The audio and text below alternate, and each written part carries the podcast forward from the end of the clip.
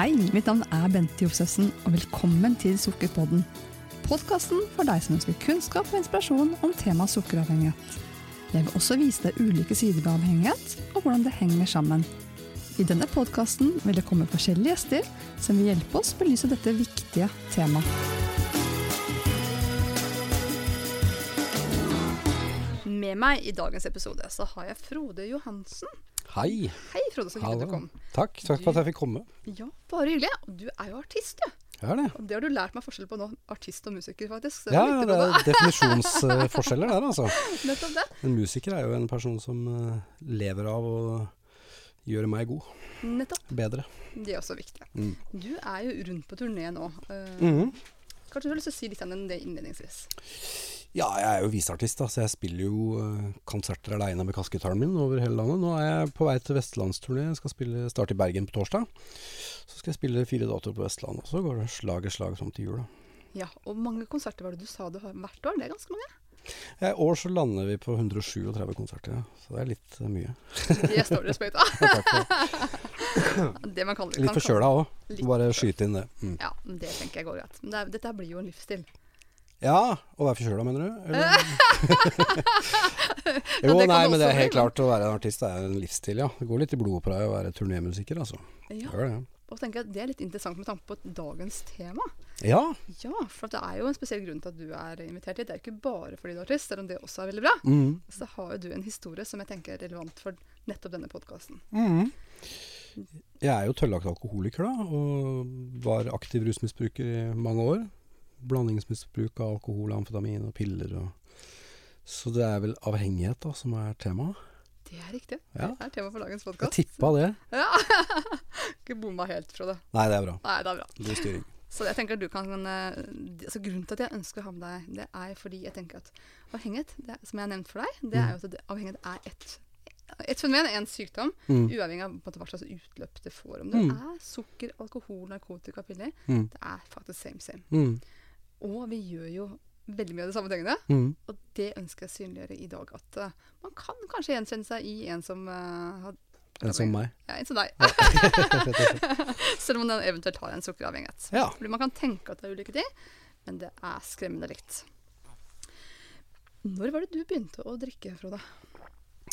Oi, det har jeg prøvd å finne ut av, uten at jeg helt klarer å Jeg tror den aller første gangen jeg drakk alkohol, det var i sjette klasse på barneskolen, hvor en kompis av meg hadde lurt med seg en sånn liten flaske med whisky. Sånn miniflaske som var forma som et kjent eh, monument fra Egypt. En sånn turistgreie. da.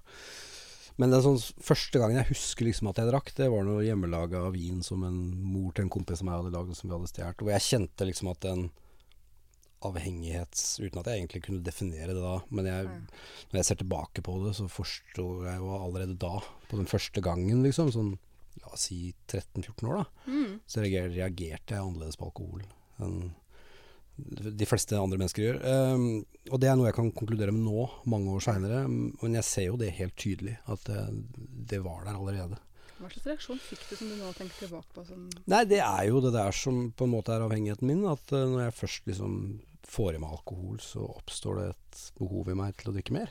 ja. Som jeg ikke har noe kontroll på, verken med vilje eller følelser eller meg sjøl. Det er ikke noe jeg styrer, da. Det er liksom et sånt uh, helt uh, overmannende behov for å drikke mer, da.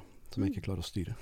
Nettopp. Og det kom, var du faktisk i kontakt med allerede den gangen da, tenker jeg? Ja, det, ja det, det var der fra første stund. Ja. Absolutt. Som om det var noe jeg var født med, uten at jeg skal være påberope meg å være ekspert på noe som helst. Men, men, og jeg er veldig lite opptatt av hvorfor man blir avhengig også. Mm. Jeg bare vet at jeg er det, og jeg vet at jeg har vært det fra egentlig første gangen.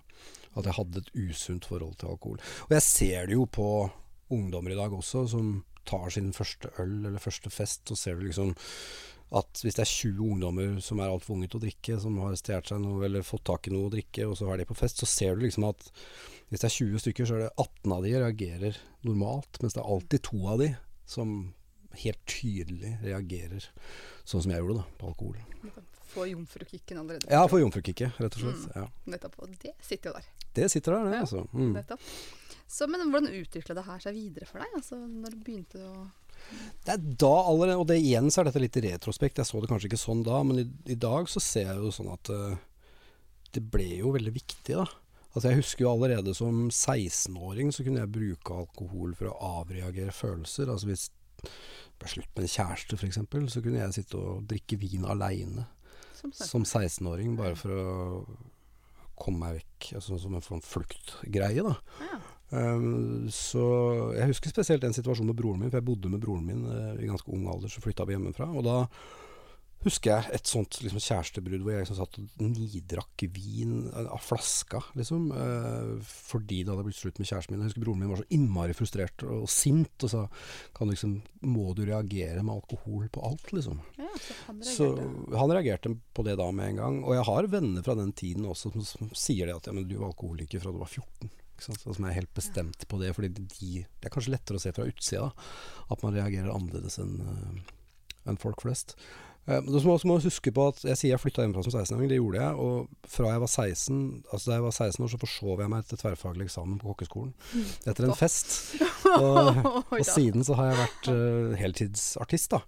Uh, så når jeg var 16 år, så begynte jeg å spille på puber. Altså spille coverlåter og allsanger og den type ting. Og ble jo introdusert for et ganske hardt miljø, da. Mm. Uh, selv om jeg selvfølgelig ikke mener at miljøpåvirkning har noe å si for avhengighet. Uh, det er mange som tror det at hvis du henger med feil folk, så blir du heroinist, liksom.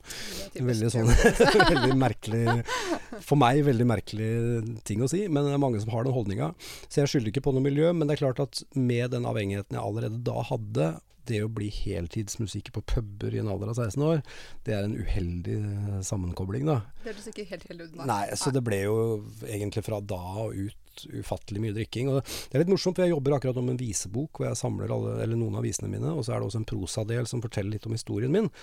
Og da har jeg med det her. Og det som er jævlig fascinerende å se, er at jeg var jo ikke aktiv alkoholiker så veldig lenge egentlig. For meg så virker det som et helt liv, men jeg er jo nå 43 år og har vært edru i 16 år. ikke sant? Ja. Så jeg slutta jo ekstremt ung. Så min aktive periode var på en måte fra jeg var 14-15 til jeg var 2-3-24.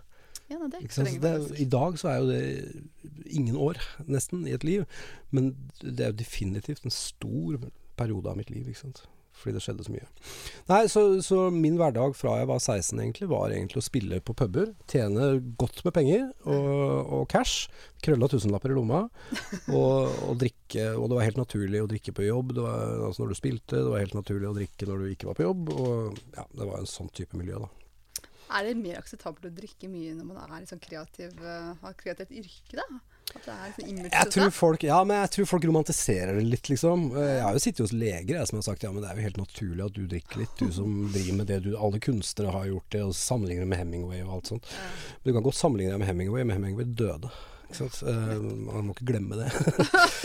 uh, ja, ikke sant. Og Janis Joplin også. Uh, mange sånne store kunstnere som har drevet med dop og alkohol og dødd av det. Mm. Og det er jo Man kan godt romantisere det, men det er jo en ganske håpløs ting.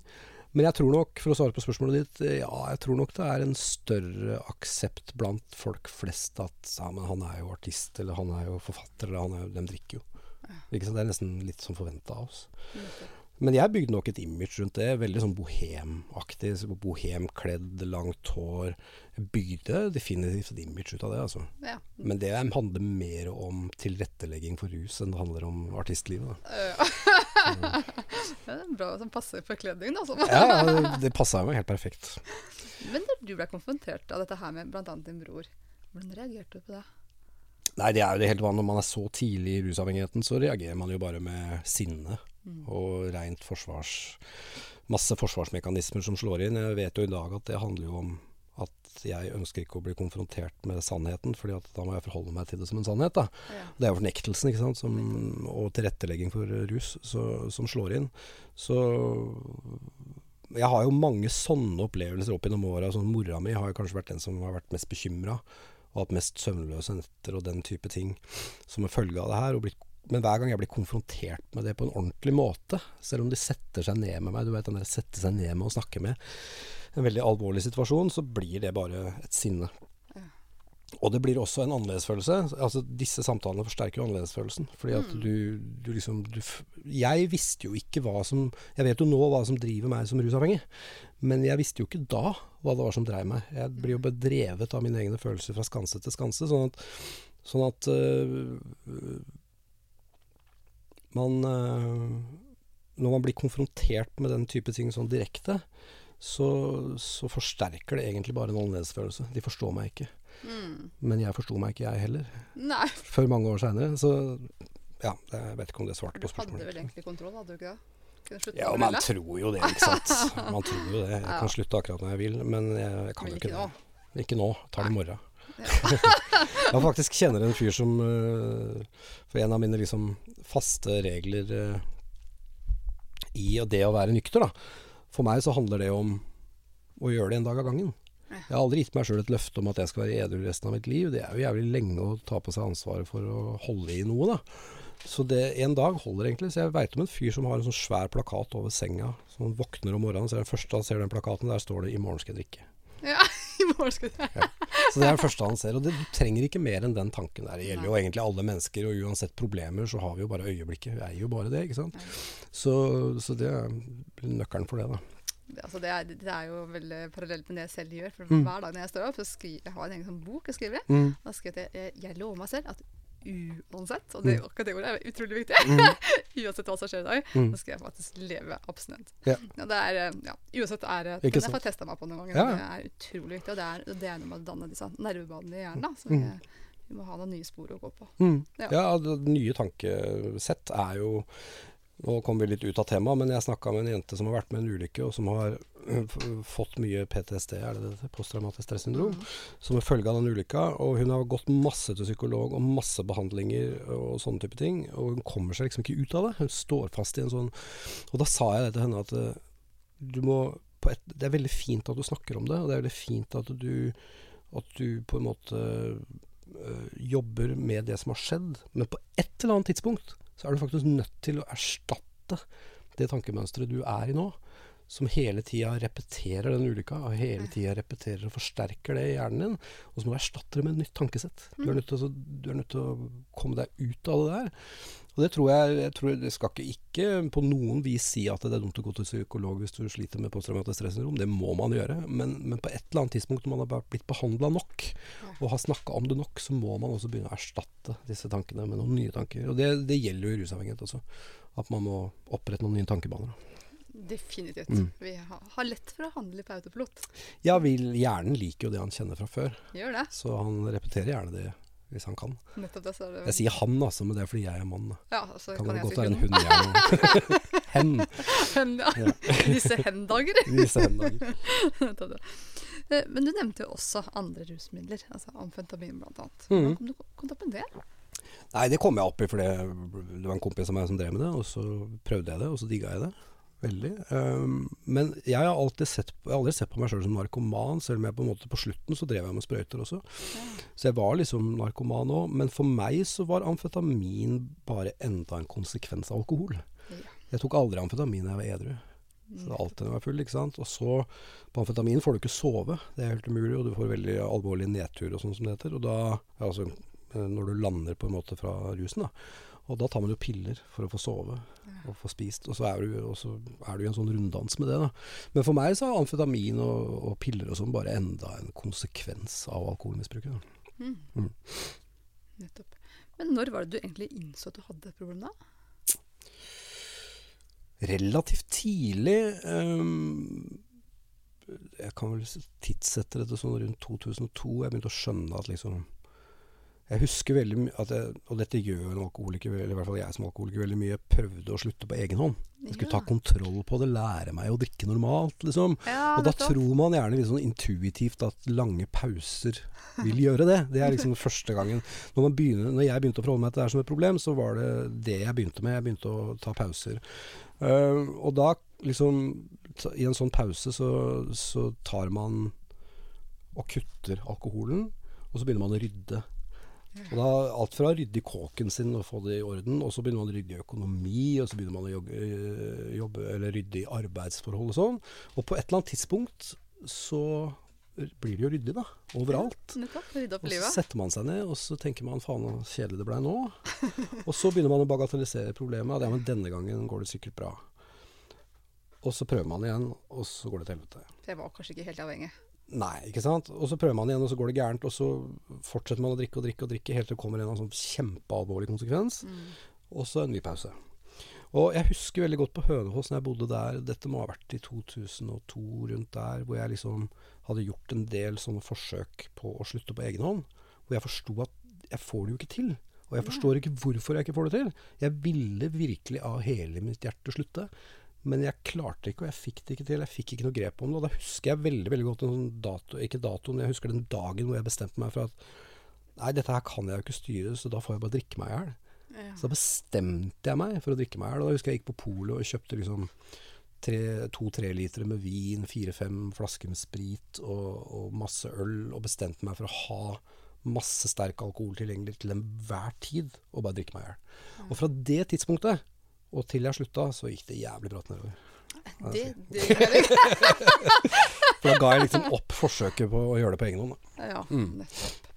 Og det her, dette her høres jo veldig kjent ut. For Mm. jeg tenker at eh, mye av det samme gjør vi som har avhengighet av sukker. Ja, Tror jeg så er det. Um, og én ting er sånn at man kan gi opp, og da kapitulerer man og bare kan spise helt på. Mm. Uh, og det andre er jo også den klassiske at jeg, siden jeg skal slutte på mandag, så må Mm. jeg passe på nå. Mm. Ta, ta litt ekstra nå. ja, Ja. Så jeg har jo spist på meg sukkerforgiftning, for å si det sånn. Men det er jo også, som vi snakka om i stad, en rolle du etter hvert får. At liksom, jeg er kunstner, jeg, jeg skriver, jeg er skapende menneske. Og så definerer man rusavhengigheten som en del av den rollen. Og det husker jeg var veldig viktig for meg da. At jeg trodde på et eller annet nivå, selv om jeg kanskje ikke var så bevisst på det, at hvis jeg slutter å drikke eller slutter å ruse meg, så slutter jeg å være den kunstneren jeg er. på en måte, At man, man rolledefinerer det. Så Ja, altså den dagen var Det var liksom starten på slutten, da. Men var du redd for å miste kreativiteten din som uh, artist? Jeg tror ikke egentlig det. Nei? Jeg tror det var mer enn sånn jeg visste ikke hvem jeg var. Altså, løgn og manipulasjon av uh, omgivelsene er jo en veldig viktig del av dette her. Man tilrettelegger jo for drikking hele tida. Og hvis det miljøet du er i reagerer negativt på drikkinga di eller avhengigheten din og tar det opp, så bytter man jo bare miljø til noen som drikker likt deg, sånn at du kan være sammen med folk som ikke dømmer deg. Da. Og til slutt så er det jo fordømmelse overalt, da. Mm. Um, så, så Hva var spørsmålet ditt? Du var redd for å miste kreativiteten din. Ja, ja, riktig.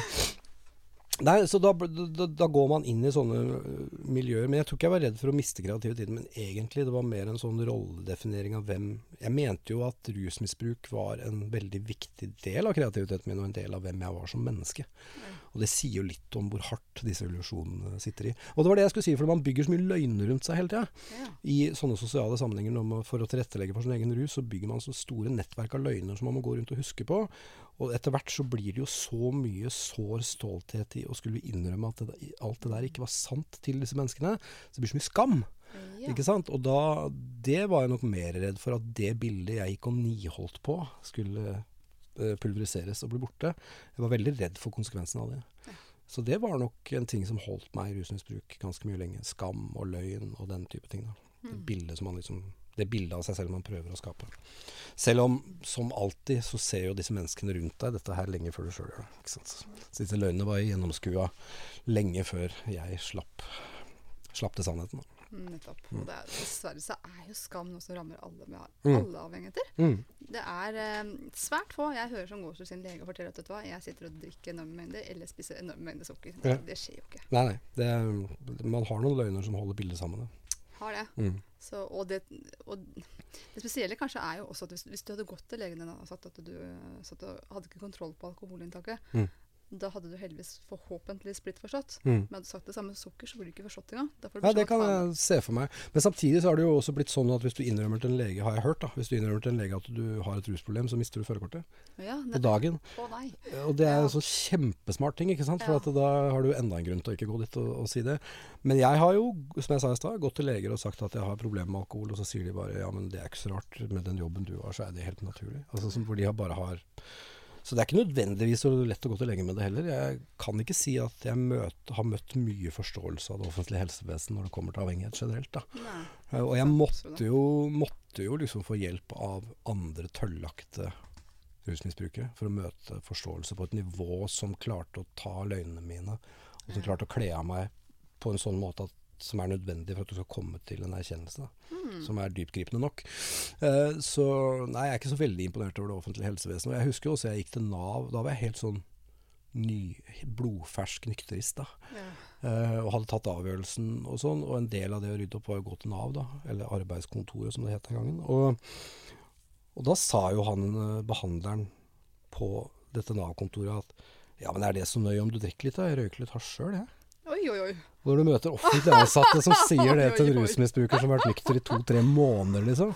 Da er forstår du hva du jobber mot, altså. Det er ganske alvorlig. Og heldigvis så sto jeg godt i min egen avgjørelse, men eh, det er ganske drøyt. Det kunne vippa faktisk en ny nykter uh, rett på Det kan i hvert fall føre til at du retenker, da. Ja, det er Kanskje jeg har overvurdert problemet. Så nei, jeg har ikke møtt så Uheldigvis ikke møtt så veldig mye personlig forståelse i den sektoren av samfunnet. Men så skal jeg også skynde meg å si at jeg tror ikke det fins bare én vei til uh, løsning av avhengighet. Min vei er min vei, og det finnes mange veier dit. Og jeg tror det viktigste er å ta tak i problemet, fokusere på det, og prøve å leite etter flere løsninger. da. Mm. Hvis den første løsninga du prøver ikke funker, så prøv å finne en annen. Det er så fort gjort å tenke at nei, men nå prøvde jeg det, nå gikk jeg til legen min. Nå tok jeg det store skrittet hvis det er sukkeravhengighet. da. Mm. Du går til legen din, og det koster utrolig mye å innrømme det, og du har kommet så langt at du klarer det i det hele tatt. Så går du til legen din, og så møter du på en måte en stengt dør eller ikke får noen forståelse.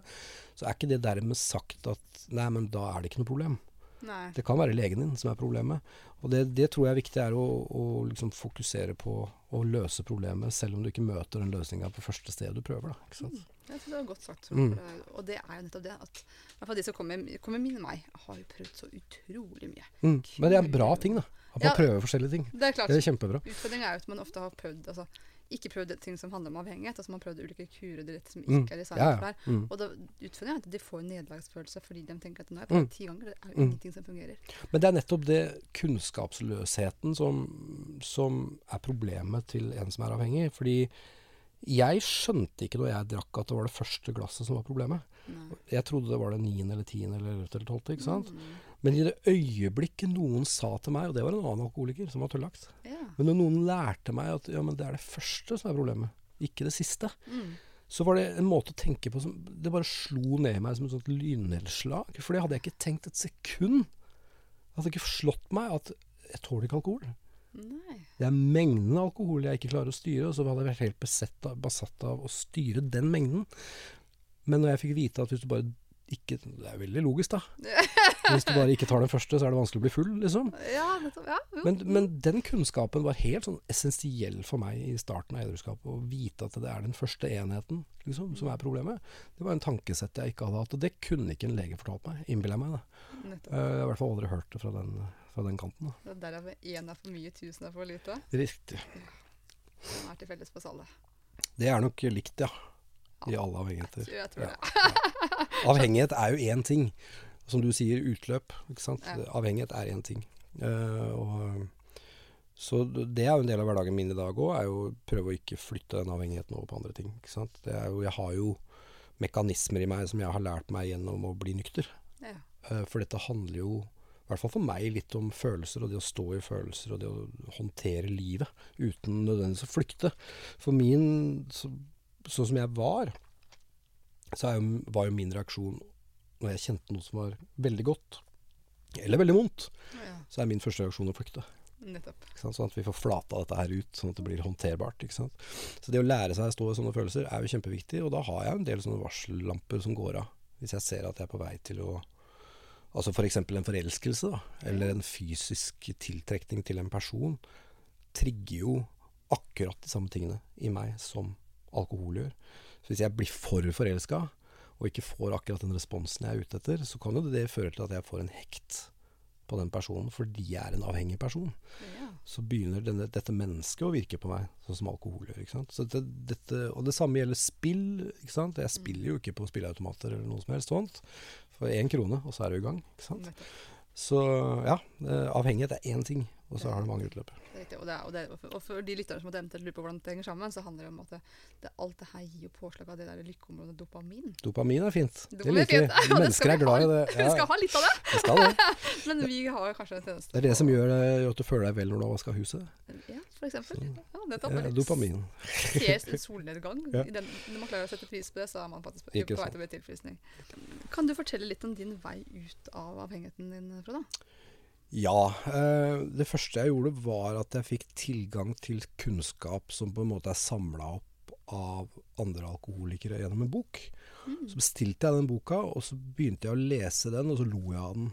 Ja, ja. I den boka står jo alt om dette her med avhengighet og hvordan det fungerer. Alt vi har snakket om her og kommer til å snakke om, altså som handler om fornektelse, forskjellige grader av det, sykdomsbegrepet, at det er den første og ikke den siste. Altså Alle disse tingene her ble introdusert for meg gjennom den boka.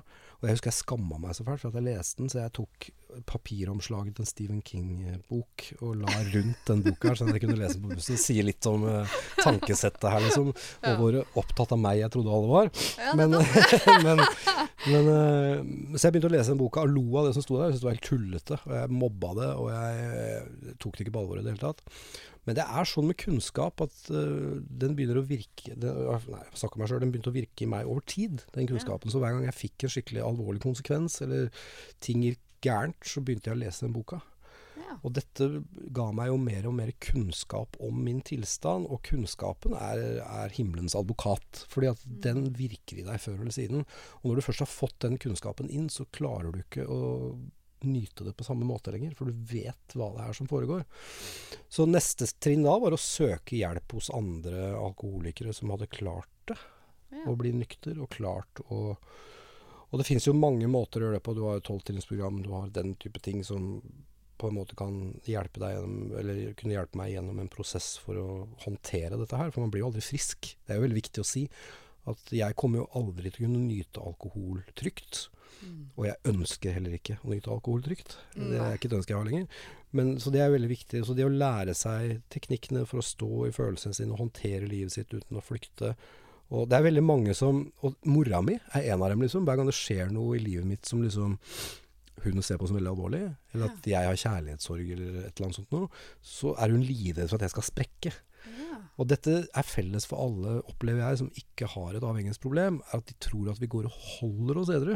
Ja. Ikke sant? Og hold, altså som jeg sitter med, med fingra rundt bordkanten og holder meg fast. At det er en, hver dag er en prøvelse, liksom.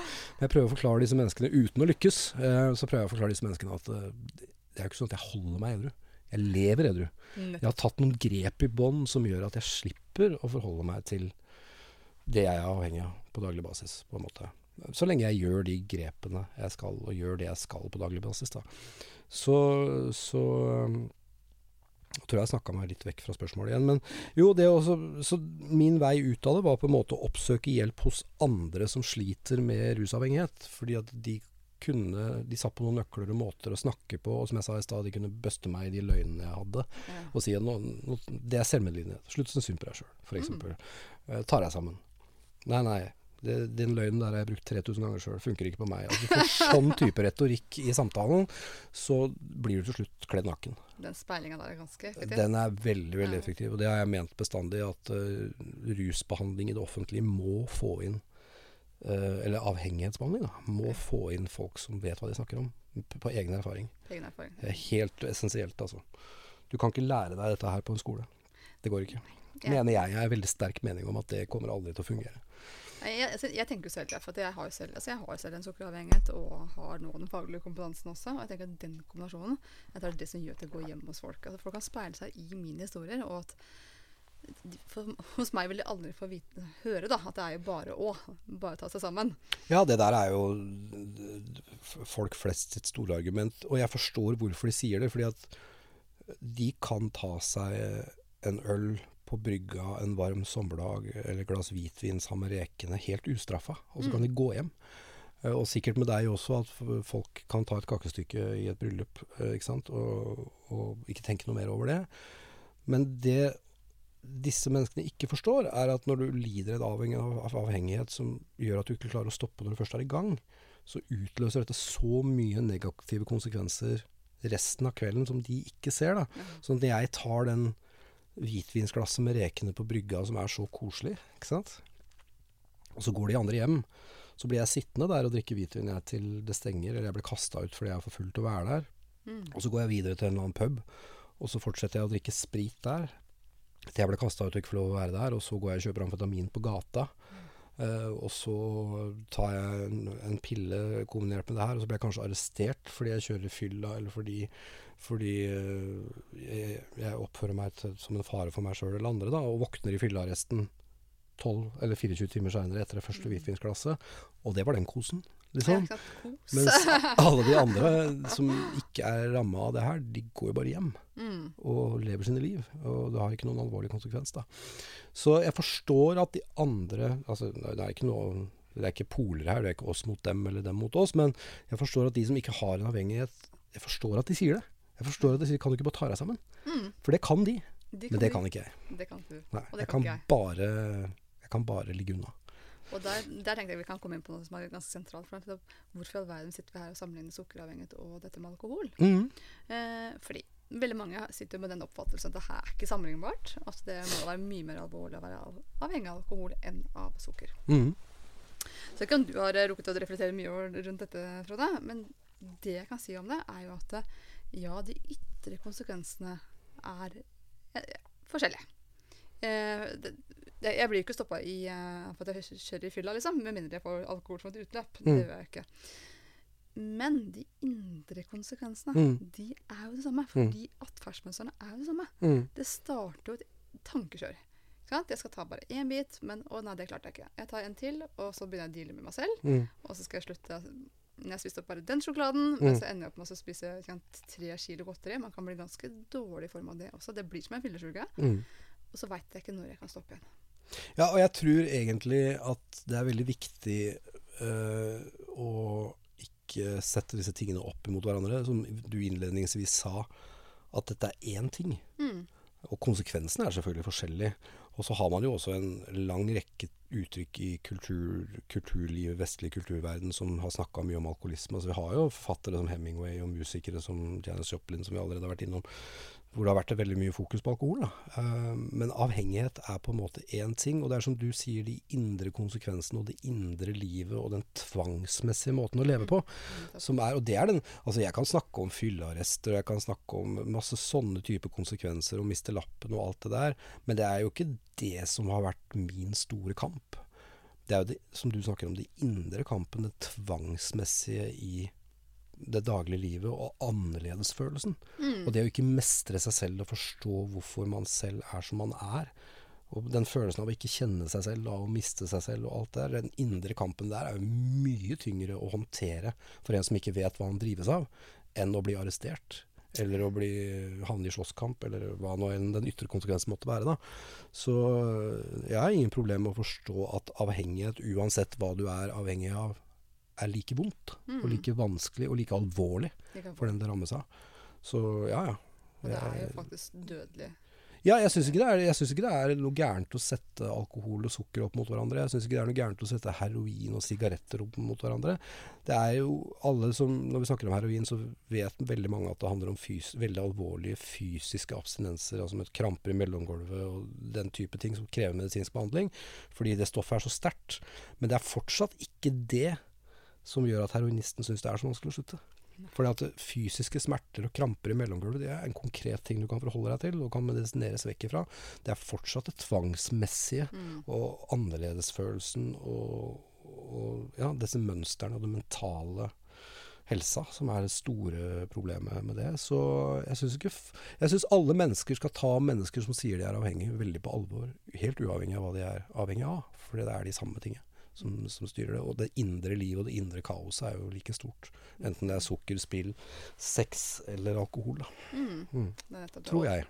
Ja, absolutt. Og det, det at man kan bytte utløpet, det har jeg vært borti Mm. mange som har gjort. Altså det er folk som har kommet fra avrusning på alkohol, som har til og med blitt oppfødt til å spise sukker istedenfor. Jeg har begynt å trene så mye at det er helt uh, galskap. Ja, er Ødelegger kroppen sin med det.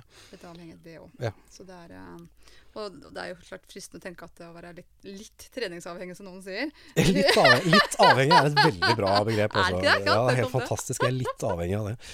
det er, ok, du er på vei inn eller ut av en fornøyelse. Vi får se hvor det havner. Jeg får stadig henvendelse til det. Jeg er Litt, litt, avhengig, avhengig. eller litt i perioder, eller Ja, og periodedranker er også et sånt veldig tåpelig begrep. Som Nei, du er ikke periodedranker, du er på vei inn i å å innse at du har et alkoholproblem. Nettopp. Ja. Kanskje klarte å Ja. ta deg sammen, skjerpe deg i din periode. ja, ikke sant. Jeg har også kalt meg perioderanker en periode. Ja. Så- Høres det penere ut, eller? Ja, jeg tror det er mer det at eh, Ja, jeg tror folk Dette handler litt om hvordan folk oppfatter alkoholmisbruk. Fordi han drikker, altså, han drikker bare av og til, men da drikker han så mye. Nei, du ser barnet av og til når han drikker mye. Det er for hele forskjellen. Og så kommer sånne begreper inn. Liksom. Det, perioderanker fins ikke. Det eksisterer ikke. Det er en, eh, et falskt begrep.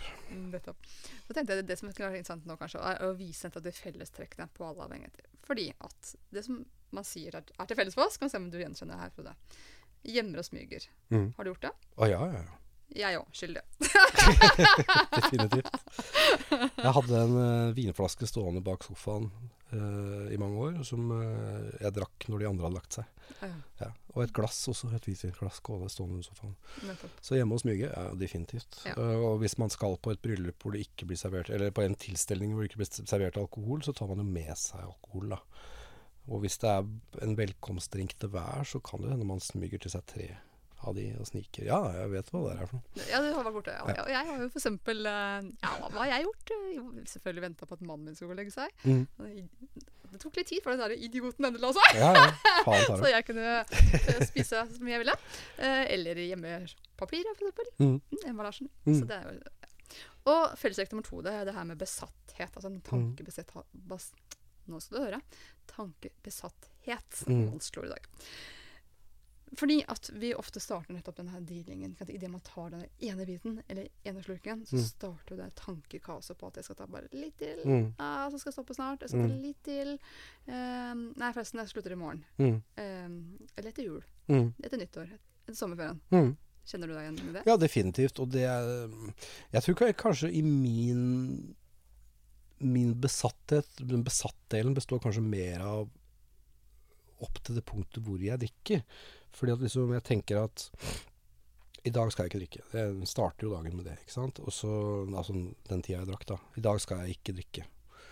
Og så går det noen timer, og så begynner disse tankene å melde seg. Ja, men du kan jo bare ta én. Mm. Kan du stikke ned på puben og ta et glass øl med han? Og så sier du nei, det skal jeg ikke gjøre, for det har jeg bestemt meg for å ikke gjøre. Ja, men du kan jo ta én. Nei, jeg skal ikke det. Ja, men det, det gikk så gærent i går. Ja, men i dag trenger du ikke gjøre det. I dag skal du klare å bare ta det ene, eller kanskje to. Ikke sant?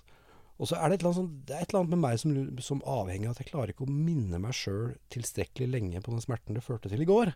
Altså, det, det blir bare borte. På en eller annen magisk måte så blir det borte. Og så begynner man, så tar man jo den første, og da Ja, jeg kjenner meg igjen i det. At da Ja, men jeg tar én til. Mm. Det går bra. Én til. Herregud, jeg tåler én øl til. Det går fint. Ja da, så tar vi én øl til, og så er du på en måte bare i gang, altså. Ja. Og da tenker man nei, dette gikk jo ikke allikevel. Jeg skulle jo ikke drikke i dag, men nå har jeg allerede drikke. Når jeg nå allerede har drikket én, så kan jeg like godt drikke fem. Og så er vi i gang, ikke sant. Ja. Og så våkner du dagen etter å ha drikket og pusla, ikke sant. Ja.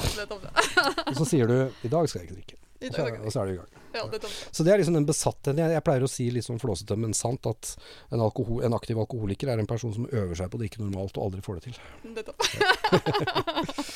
og som avhengighetsfokus så gjenkjenner jeg meg jo veldig Ja, i det. Øver deg på å spise uten å få det til. Normalt uten å få det til. Ja, og det er jo klart, og, der, og der kommer igjen det med fornektelsen, som Mm. er neste fellestrekk, at vi fornekter og bagatelliserer. Mhm. Eh, Og jeg er nok ikke så avhengig som han.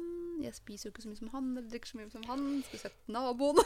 Det er jo alltid noen, og det er også grunn til å skifte miljø, da. At du omgir deg med mennesker som er verre enn deg. For å kunne tilrettelegge for din egen, eh, ditt eget, din egen avhengighet. Og det der har jeg gjort masse. Og det er liksom Jeg husker jeg sa til meg selv veldig mye at hvis, hvis eh, jeg er alkoholiker, så er jo alle det. For alle drikker jo sånn som meg. Mm. Og det er veldig fort gjort å tro, altså. Og sikkert flere som spiser også, at alle spiser jo sånn som meg. Alle spiser mye sukker, vet du. Ja, Altså, det er helt det naturlig, men, men samtidig, hvis du går inn på og det, Prøv å gjøre dette her, folkens, hvis dere snakker om alkohol. da. Gå inn på en pub på en lørdag kveld på den verste tida, sånn type halv to. Så, gå inn på en pub som er helt full av folk. Og så steller du deg på et høyt punkt inne i den puben, og så ser du Teller du hvor mange der inne som er synlig berusa. Vi tenker jo liksom at alle er høylytte. Alle skriker, alle skåler, alle snøvler, alle sjangler, tenker vi. Mm. Men hvis du går inn på en hvilken som helst pub i hvilken som helst by i Norge eller sted, går inn, stiller deg på et høyt punkt, og så begynner du å telle de du ser som snøvler, de som snakker høyt, de som Så vil du se at de aller, aller færreste på en lørdag kveld på klokka halv to om natta er synlig berusa. Mm. Men de få som er det, de syns utrolig godt. Så det er veldig fort gjort å tro at alle er sånn, men det er faktisk sånn at de aller, aller fleste drikker moderate mengder alkohol og går hjem før de blir for, for berusa.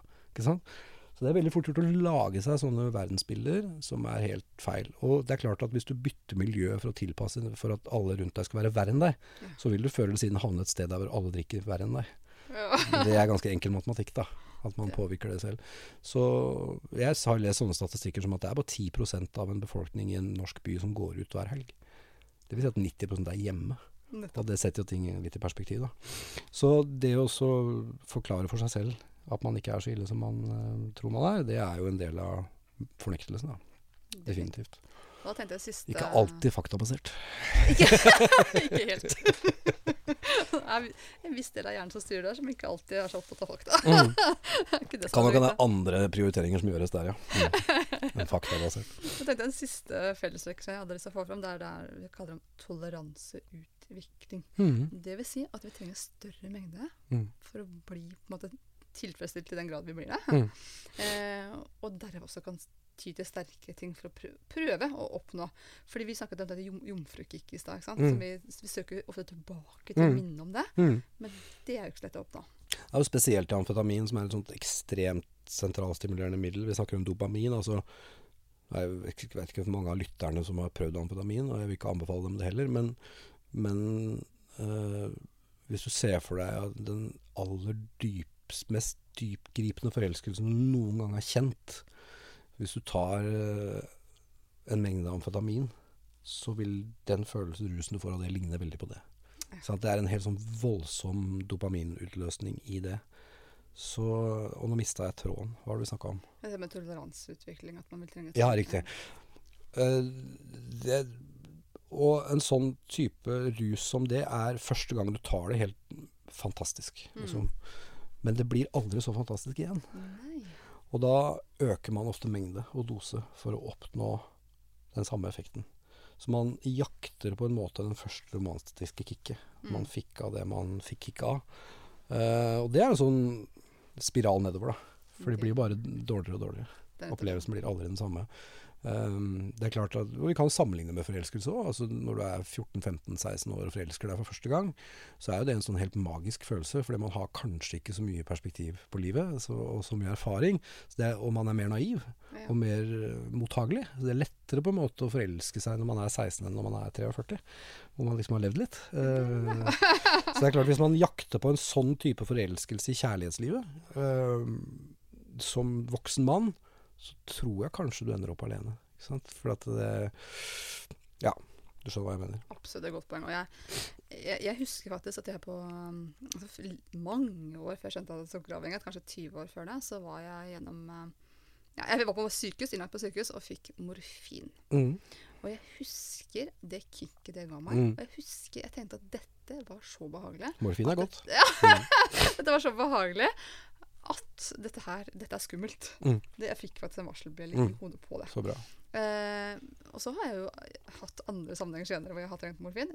Aldri fått den opplevelsen igjen. Nei. Og det gjør du ikke heller. Nei. Det hjelper ikke dose heller, ikke sant. Nei, Så- det, det. Det gjør ikke det. Og det samme er det jo med sukker, det er med alkohol. At vi, hjernen eh, bygges om, rett og slett. Mm. Eh, og vi søker da større og større mengder for å få samme kicket som vi aldri får. Mm. Og derav kan vi finne nye utløp som er man avhengig av sukker, så kan man plutselig plukke opp flaska. Og det Mm. er det faktisk mange som gjør. Mm.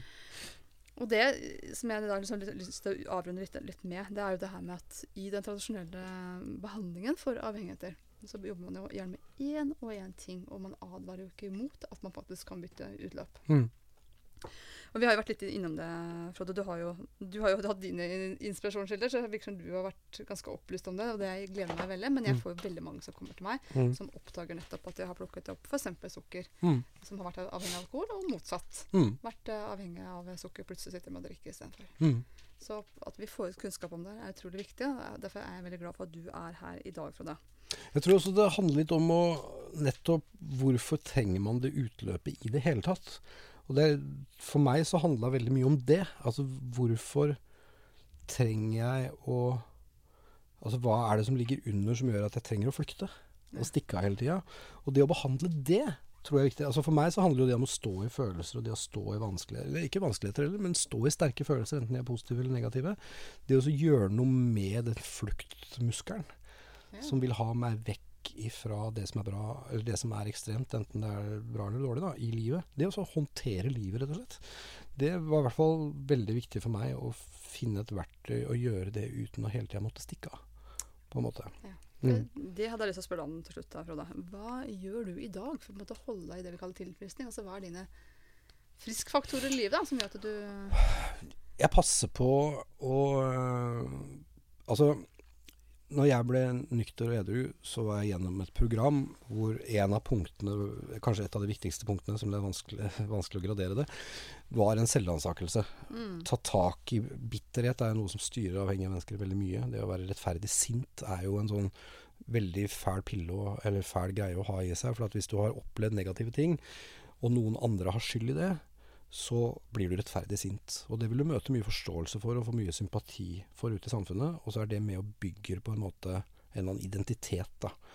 Men problemet med det er jo at du har jo et menneske eller en institusjon eller mange som bor inni hodet ditt og styrer livet ditt. Uten at de selv egentlig er klar over det. Så det å ta et oppgjør med de tingene der, alle sånne løgner jeg har hatt, alle jeg er sint på, alle jeg har gjort feil mot, Mm. uh, be om unnskyldning for det. Eh, ta et oppgjør med alle de tingene som på en måte er mine triggere, som jeg kaller det. Uh, hvis, du, hvis man gjør det, så får man et nullpunkt, som jeg kaller det nullpunktet. Det er på en måte en ny sjanse der du har bedt om unnskyldning for det du har gjort gærent. Du har innsett dine egne shortcomings eller tilkortkommenheter i karaktertrekk. Altså du, du kjenner igjen mønsteren, eller jeg kjenner igjen mønstrene mine. Eh, og hvis jeg har bedt om unnskyldning til alle, hvis jeg har rydda opp i alle sånne forhold og er klar over disse triggerpunktene, så er jeg på nullpunktet. Og målet mitt hver dag er å til enhver tid være på det nullpunktet. Ja. Sånn at istedenfor at jeg om fem år Altså jeg gjør en masse ting nå som er styrt av mine triggere, som jeg gjør at jeg om fem år må ta en ny selvransakelse og en ny runde med unnskyldninger. Det vil jeg helst prøve å unngå. Sånn at jeg har blitt veldig god til å ta den selvransakelsen i øyeblikket. Ta et skritt tilbake og si hva er det som skjer her nå? Hvorfor har jeg det vondt? Eller hvorfor er jeg så ekstremt glad? Hvorfor, hva, er det som skjer inni meg nå? Ta et lite skritt tilbake og puste, og tenke hva er det som foregår her nå? Og be om unnskyldning med en gang. Istedenfor til 30 stykker om fem år. Så jeg, dette er jo selvfølgelig en streben, men jeg prøver å lykkes til en viss grad med å holde sånt nullpunkt i balanse. Eh, og ikke minst å være ærlig mot seg sjøl. Mm. Sant? Og disse triggerpunktene. Å være klar over de varselsignaler og, og den type ting. Så alt som ligner på de gamle mønstrene mine, som jeg kjenner ekstremt godt, uh, intimt og nært, det, det Jeg flykter ikke fra de, men jeg passer meg for de. Ja. Å gå inn i sånne gamle mønstre. Å isolere seg hvis man har det kjipt, f.eks. Det er fint å isolere seg hvis man uh, trenger det. Men hvis man gjør det som en eh, reaktiv flykt eller, flukt eller den type ting, så er det for et eksempel på en sånn trigger som jeg må passe meg for. Um, ja, så det er en del sånne triggerpunkter. Og det å bli, gå rundt og være sint på folk skjult inni Ja. meg, og være forbanna for noe, enten det er rettferdig, rettferdig eller ikke, det er et triggerpunkt. Mm. Det at jeg begynner å lyve for meg selv og si at uh, det var det som skjedde der, så det var hans skyld, selv om jeg vet at det var jeg som gjorde det der, sånn at det var min skyld. Ja. Å begynne å lage sånne typer virkeligheter inni meg sjøl i konfliktsituasjoner, det er et sånt triggerpunkt. Ikke sant? Så jeg passer meg for de røde flaggene der, og hvis jeg allerede har begynt å gå inn i det, så tar jeg tak i det med en gang og rydder opp i situasjonen. Sånn at jeg hele tiden befinner meg i balanse. Balanse er et nøkkelord i livet, altså. balanse. Og det, Ja. det synes jeg det er så veldig fint, Frode, fordi at av de som kommer til meg, så er det veldig typisk at de med starten tenker at det her, dette handler om maten. Mm. Eh, og det får få dem til å forstå at det bare er en liten bit av det hele. Altså Maten og alkoholen er bare symptomet. Det er symptomet av det.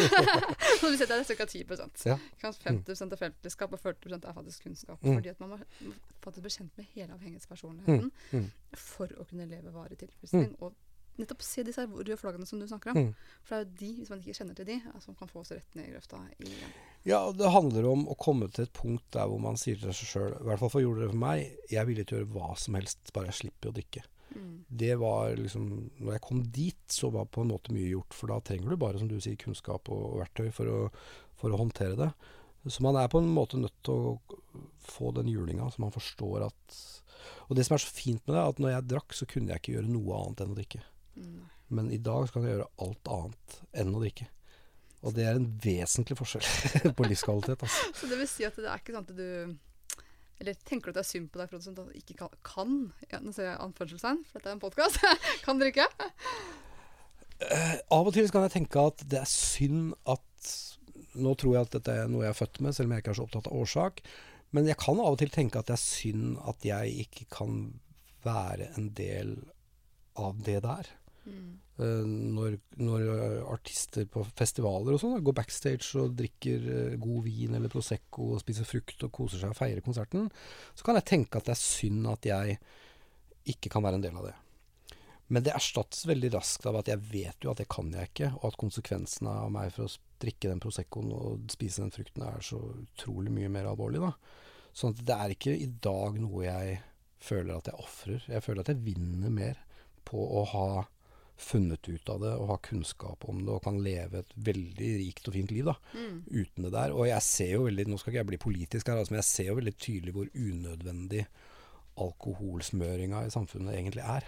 Altså det, Folk går hele uka og gleder seg til den festen og snakker om den festen, og så kommer du på den festen, og så har de det gøy i sånn ca. en time. Og så er de såpass berusa at det er ikke gøy lenger. Det er helt åpenbart ikke gøy lenger. Det er noe krampaktig over det.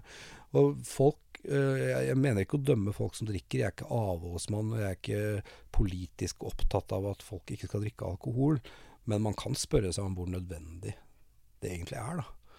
Eh, Som, som et sosialt smøringsmiddel, som det ofte kalles. Eh, Men, eh, men det er fordi jeg er alkoholiker. Jeg har aldri sett poenget med et, et glass vin. Nei. Jeg forstår ikke poenget. Så sikkert som du ikke forstår poenget med en konfektbit, liksom. Nei, det er Det altså er jo helt meningsløst for meg å drikke én øl. Hva skal jeg med det? Det er ikke det jeg er ute etter. Jeg er ute etter rusen. Så. Men har du noen gang hatt samme type reaksjon med sukker? Nei, jeg har ikke det, altså. Eh, Men jeg er forsiktig med alt. Det handler om balanse for meg. Jeg er helt overbevist om at jeg kan bli avhengig av sukker. Ja. Jeg har ingen Mm. problemer med å se for meg Jeg kan bli avhengig av hva som helst. Jeg er en avhengig personlighet. Og jeg er veldig våken på de tegnene der. Altså når jeg begynner å Hvis jeg begynner å lyve for meg selv og fornekte for meg selv og den type ting, så er jeg veldig kjapt på. Eh, spesielt som vi snakket, har snakka om sukker og alkohol, men kjærlighet og Vi har jo snakka om det også. Kjærlighet og, og sånne type forbindelser. Jeg kan bli så hekta på et annet menneske at jeg må kutte det ut. Ja. Fordi at jeg ser at det er de samme tingene som trigges, og de samme tingene som, som er uh, på gang. da. Mm. Så jeg er veldig klar over de tidlige varseltegna på avhengighet, og trekker meg unna med en gang. For jeg har utrolig stor respekt for, og veldig redd for å utløse en avhengighet et annet sted. Nettopp. Mm. Men hvis noen av de som hører på podkasten her, Frode, gjenkjenner seg i det du snakker om Mm. det tenkte jeg, tror jeg har et problem med alkohol. Mm. Hva bør du gjøre da? Da bør du oppsøke noen som er tørrlagte alkoholikere. Eh, det er mitt helt soleklare råd, fordi, og det, det er bare å søke, google altså, så finner du det liksom. Eh, og ikke være redd for å, for å ta tak i det. Og da sier jeg, jeg sier ikke at du ikke skal gå til legen din, og jeg sier ikke at du ikke skal gå til ruskonsulenten i kommunen du bor i. Det viktigste er at du gjør noe, og at du søker kunnskap om hva er rusavhengighet, hva er alkoholisme.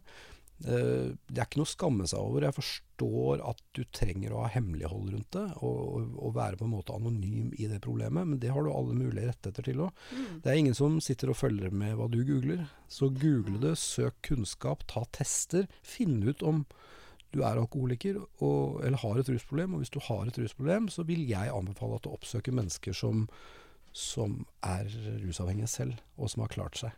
For de kan hjelpe deg på en helt egen måte. Da. Men på en annen side, hvis du ønsker å legge deg inn på et sykehus eller på en klinikk, eller gå til legen din, eller gå den veien, så gjør gjerne det også. Det viktigste er at du gjør noe.